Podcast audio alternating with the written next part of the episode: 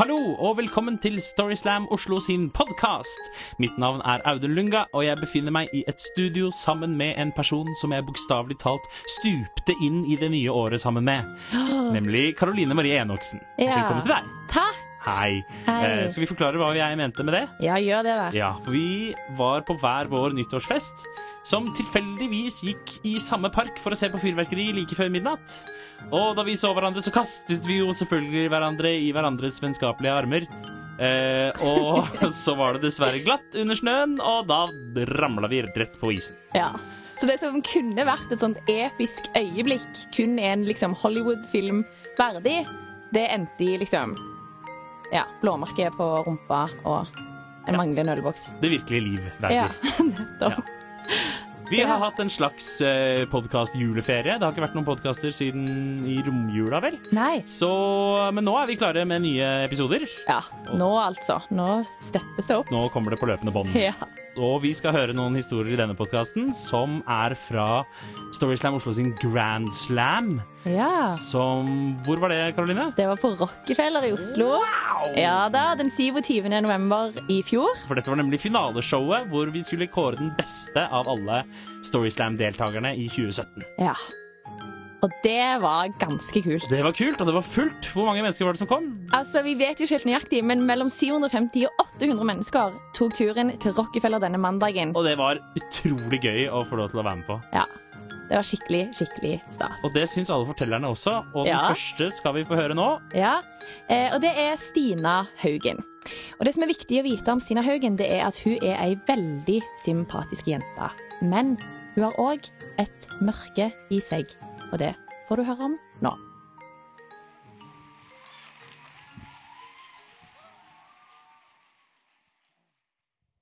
Jeg er sjukt sympatisk. Ja, men det er sant. Jeg er et omsorgsmenneske, da. Det høres kanskje litt ut som jeg skryter nå, men det gjør jeg ikke. Dette trenger dere å vite, for jeg kan også bli veldig egoistisk. Jeg har en fobi som gjør at jeg mister all medmenneskelighet. Jeg blir grusomme Stina. Når jeg var 19 år, så får jeg jobb på sykehjem omsorgsperson. Jeg tropper opp første dag. Litt spent, selvfølgelig, men here I come, Greverud sykehjem. Jeg går ned i kjelleren, hvor det er et sånt omkledningsrom for sykepleiere. Og jeg tar på meg en sånn sykepleierdrakt. Tror kanskje ikke jeg var sykepleier, men assistent av noe slag. Men i hvert fall. Jeg ser meg sjæl i speilet, og så sier jeg You can do this, Dina Haugen. Og så går jeg opp alle trappene helt i øverste etasje, hvor jeg skal jobbe. Jeg steller gamle mennesker. Jeg svarer på utrolig underlige spørsmål. Og så får jeg en venn. Han heter Odd. Han er 90 år og har dårlig holdning. Odd sier til meg at jeg har utrolig fine øyne. Jeg sier til Odd at han har utrolig fint rom. Og så blir klokka ett, og da spiser gamle mennesker middag. Og det får jeg ansvar for. Så jeg samler sammen alle de der gamlingene inn i spiserommet. Det er koteletter og brun saus. Jeg dekker på. Jeg gjør det bra. Det er til og med en dame som tror hun er på restaurant i utlandet, for hun sier sånn Can I have a fork, please? Yes, yes. Når alt er ferdig, så setter jeg meg ned ved siden av min yndlingsperson Odd. Men Odd er helt sjukt sulten den dagen. Altså, Han gafler i seg maten i et voldsomt tempo. Det går fortere og fortere og fortere, og plutselig så skjer det som må skje. Odd setter en kjøttbit i halsen. Han begynner å harkle, han hoster, han blir helt rød i ansiktet. Jeg blir helt hvit i ansiktet. Altså, Det svimler for meg. Jeg har ansvar for livene til disse gamle menneskene. Men den jævla kjøttbiten den sitter bom fast. Nå vet jeg hva som kommer. Jeg må reagere.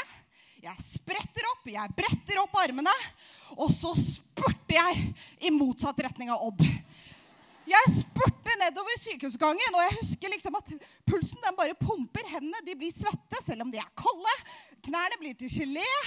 Og så husker jeg at jeg sier sånn fuck, fuck, fuck i takt med løkepinga. Jeg løper helt ned til garderoben. Der er jeg helt aleine, og først da er jeg trygg.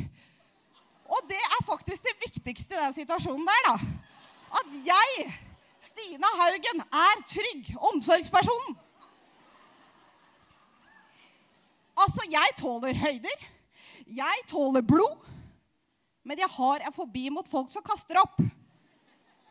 Altså selve handlingen å spy.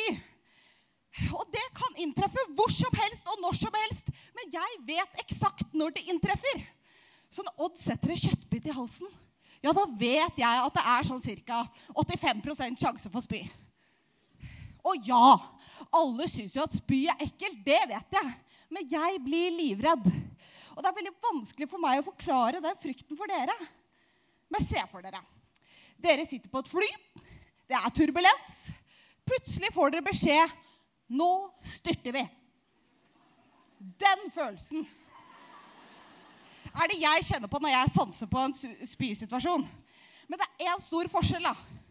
Dere er stuck på det flyet. Jeg kan stikke, jeg kan redde meg sjæl. Og derfor så gjør jeg det. Ettertid så har jeg jo skjønt at Odd kunne ha daua den dagen. Han overlevde. Han spøy ikke engang. Men jeg slutta på sykehjem. Og så startet jeg å studere på TV-skolen, for i TV-bransjen der spyr ikke folk så mye.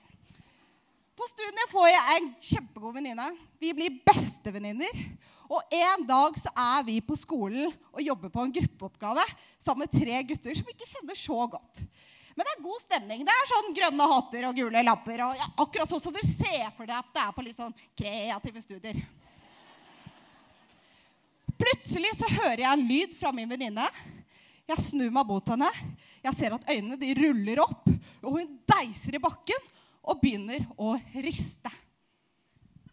Og jeg blir jo dritredd. For jeg aner ikke om et epilepsianfall kan føre til oppkast. Så pulsene dunker, hendene blir svette selv om de er kalde. Jeg spretter opp mot døra, fuck, fuck, fuck, ut og helt ut på parkeringsplassen. Og der står jeg i trygghet. Helt til ambulansen kommer, mens min venninne hun våkner opp med frem, tre fremmede gutter fra epilepsianfall. Det er et mirakel. Men jeg og denne venninna vi er fortsatt venner. Og det er raust. Og da mener jeg ikke av meg. For noen år siden så blir moren min syk. Hun blir så syk at vi vet at hun skal dø, og hun blir lagt inn på sykehus. Og sjansen for oppkast på sykehus, den er jævlig stor. Men denne gangen så tar jeg meg sammen. da. Jeg drar på sykehuset, og jeg og mamma skal ha den der siste praten. Mamma hun sier til meg at hun er stolt av meg. Og nå får vi kanskje ikke flere år sammen, men de åra vi har hatt, de har vært så bra. Og jeg skal til å si til mamma at hvis jeg en gang tør å bli mor, da skal jeg bli en sånn mamma som du har vært. Men før jeg rekker det, så sier mamma Stina, nå kjenner jeg at jeg er litt grann kvalm. Jeg ser på mamma. Hun har blitt bleikere. Det er et klassisk tegn på kvalme. Pulsen den øker, hendene blir svette. selv om de, Men for faen, Stina! Nå blir du! Altså, Nå er det ikke deg det er mest synd på her. Mora di skal dø. Jeg bestemmer meg for å møte frykten min. Jeg reiser meg opp. Da kjenner jeg at beina har blitt i gelé. Frykten tar meg. Jeg løper ut. Jeg løper nedover gangen, helt ned til utgangen. Men der møter jeg meg sjæl i døra. Hva er det du driver med? Altså, Dette er litt større enn deg sjøl. Og jeg har jo så lyst til å bli. Og jeg får dårlig samvittighet. Men i morgen så er det kanskje for seint å si sorry, det var bare denne fobien som spilte meg et lite puss. Så jeg går tilbake. Ikke med raske steg, men jeg går tilbake til rommet. Åpner døra på gløtt. Der sitter mamma i senga. Hun har fått tilbake fargen i kinnene. Hun har ikke spydd engang. Jeg går inn, og jeg får sagt det jeg vil si. Og mamma sier til meg, 'Stina, jeg er så stolt av deg.' Og du er en snill og god jente. Men den derre oppkastfobien, den må du få snakka med noen om. Og jeg tror kanskje hun mente én psykolog. Men takk for at dere hørte på.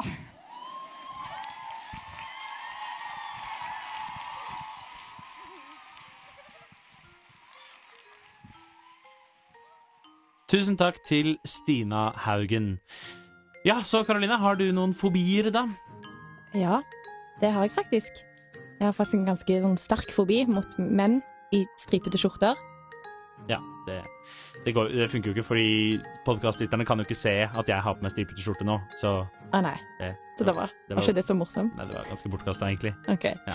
Ja, men da, da går vi videre. Ja, det er best. Ja, det er best det.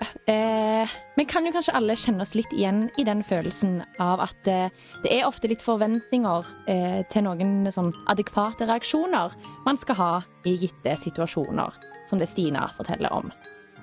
Kjenner du deg igjen i det? Ja, det gjør jeg selvfølgelig. Eh, og en annen som også kjenner seg litt igjen i det, er neste forteller, Steinar Olberg. Her kommer han.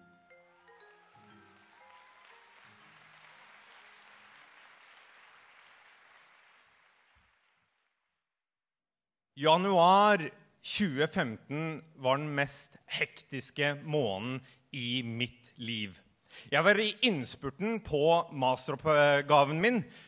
Og for å være veldig flink student så gikk jeg i tillegg praktisk-pedagogisk utdanning, så jeg studerte 200% Jeg hadde jobb, eh, jeg var regissør for en teatergruppe, og jeg hadde en rekke styreverv i studentpolitikken, så jeg var oppe i en 350 til sammen, kanskje. 10. Januar, lørdag 10. januar så sitter jeg på masterkontoret og forbereder meg til masterforestillingen min. Høydepunktet i 20 års skolegang. Jeg hadde jobba mange måneder. Jeg hadde skaffa meg en ungdomsskoleklasse som skulle eh, spille utdrag fra Villanden. Og eh, For å gjøre dette hele verre så hadde jeg intervjua alle professorene i fagmiljøet mitt. Så der satt de hele, hele gjengen og venta på svar på denne oppgaven. Og appåtil der så skulle jeg ut i praksis på mandag.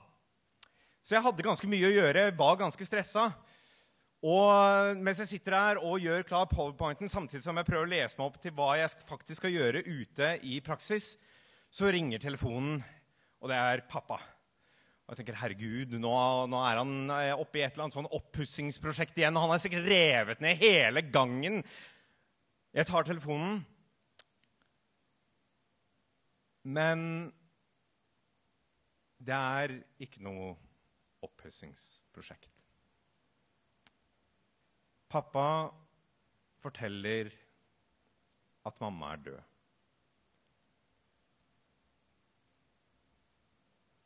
Og det jeg tenker At dette passer utrolig dårlig. Jeg ringer veilederen min, forklarer hva som har skjedd. Det blir stille en god stund. Og hun sier at jo, vi, altså, vi kan jo flytte eksamen til, til, til juni. Det, det, det, vil jo gå. Men da mister jeg ungdomsskoleklassen min, og da begynner dette å kollidere med de andre eksamene jeg har. Dette går ikke. Jeg må ha den masterforestillingen. Dette kom ikke som en overraskelse. Mamma hadde hatt Alzheimer i nesten ni år. Men det jeg sto overfor nå, var en mastereksamen, skulle ut i praksis og en begravelse. Når jeg kommer til eh, skolen på mandag, så blir jeg overøst av sympati fra medstudentene mine. De var helt fantastiske. De ville trøste meg, de ga meg blomster, de ville holde en minnestund. Men dette gjorde at jeg fikk ganske dårlig samvittighet. For jeg var ikke så trist som jeg burde være. Eller jeg var ikke så trist som de trodde at jeg var. Fordi der de tror at jeg er på det første stadiet av sorgprosessen, i sjokket, så er jeg på det siste stadiet. Aksept. Fordi når du har sett noen du er så glad i, forvitre over ni år Nå kunne mamma endelig hvile. begravelsen var, var vakker. Og noen dager senere så står jeg og venter utafor eksamensrommet på en ungdomsskoleklasse som skal spille Villanden. Alt er klart. Sensorene er på plass. Powerpoint-presentasjonen min er på plass. Og de her er litt forsinka. Men jeg har god tid. Jeg har en time. Endelig kommer de, og så kommer læreren bort og sier at to av elevene, de to hovedrollene, de har ikke dukket opp. Og jeg tenker dette har jeg virkelig ikke tid til. Men da er det som et mirakel at to elever sier at de tar det. Og på tre kvarter så øver de alt de bare kan. Og de spiller. Og når de har jobba så mange måneder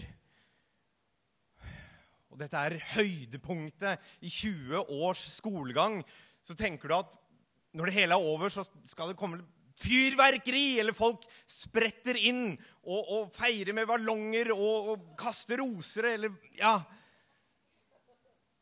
Men det hele ender i et enkelt håndtrykk og et gratulerer fra sensor. Så er det hele over.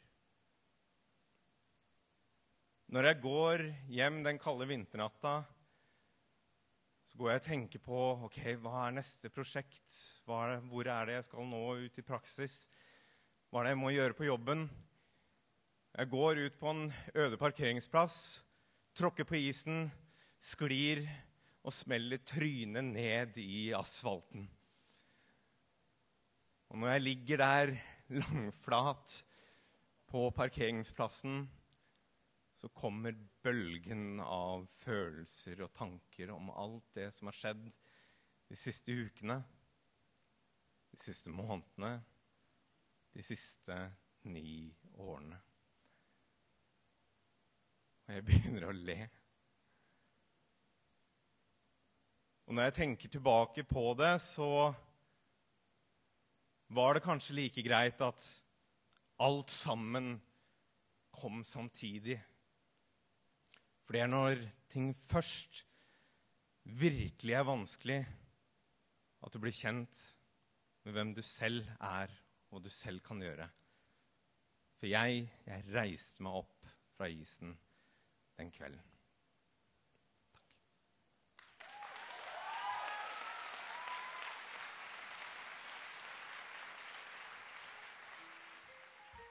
Tusen takk til Steinar. Og det som jeg bare må skyte inn her, er jo det at eh, Steinar Olberg eh, og Stina fra Storyslam får du se på God morgen Norge i morgen tidlig, altså 30. januar klokka ni. Så alle som hører på denne podkasten i kveld, når, rett etter at vi har lagt den ut, Ja. følg nøye med på God morgen Norge i morgen tidlig. ja, men hvis man er veldig interessert i å se det, så kan man jo også sikkert finne denne episoden av God morgen Norge på TV2 Sumo eller noe sånt. Det er helt sikkert tilfellet. Uansett. Eh, neste Storyslam Ja. er eh, mandag 5. februar på Kulturhuset i Oslo. Og vi har et eh, ferdigstilt, fullspekket program Mhm. med masse nye, spennende fortellerstemmer Ja. og fjes. Eh, så det blir utrolig gøy. Eh, men vi er jo også selvfølgelig alltid fortsatt på leting etter nye fortellere. Det er vi absolutt. Eh, og vi arrangerer jo workshoper i forkant av hvert Storyslam-arrangement. Eh, hvor de som kanskje har en idé til en fortelling eller er litt nysgjerrig på det å være med på Storyslam, eh, bare kan melde seg på. Og Informasjon om dette det finner du på vår Facebook-side, Storyslam Oslo. Og hvis du har andre spørsmål, så er det også alltid mulig å sende oss en e-post på post at storyslamoslo.no. Og så må du selvfølgelig følge oss på Facebook Ja. og på Instagram. Mm. Um, og så må du selvfølgelig følge denne podkasten og gi oss gjerne litt tilbakemelding på hva dere syns. Ja. Hvis dere føler for det i din uh, favorittpodkast-app. Ja. Eh, det- noe mer å si om det? Ikke noe mer å si om det. Nei, da sier vi takk for nå. Takk Ha for det! nå.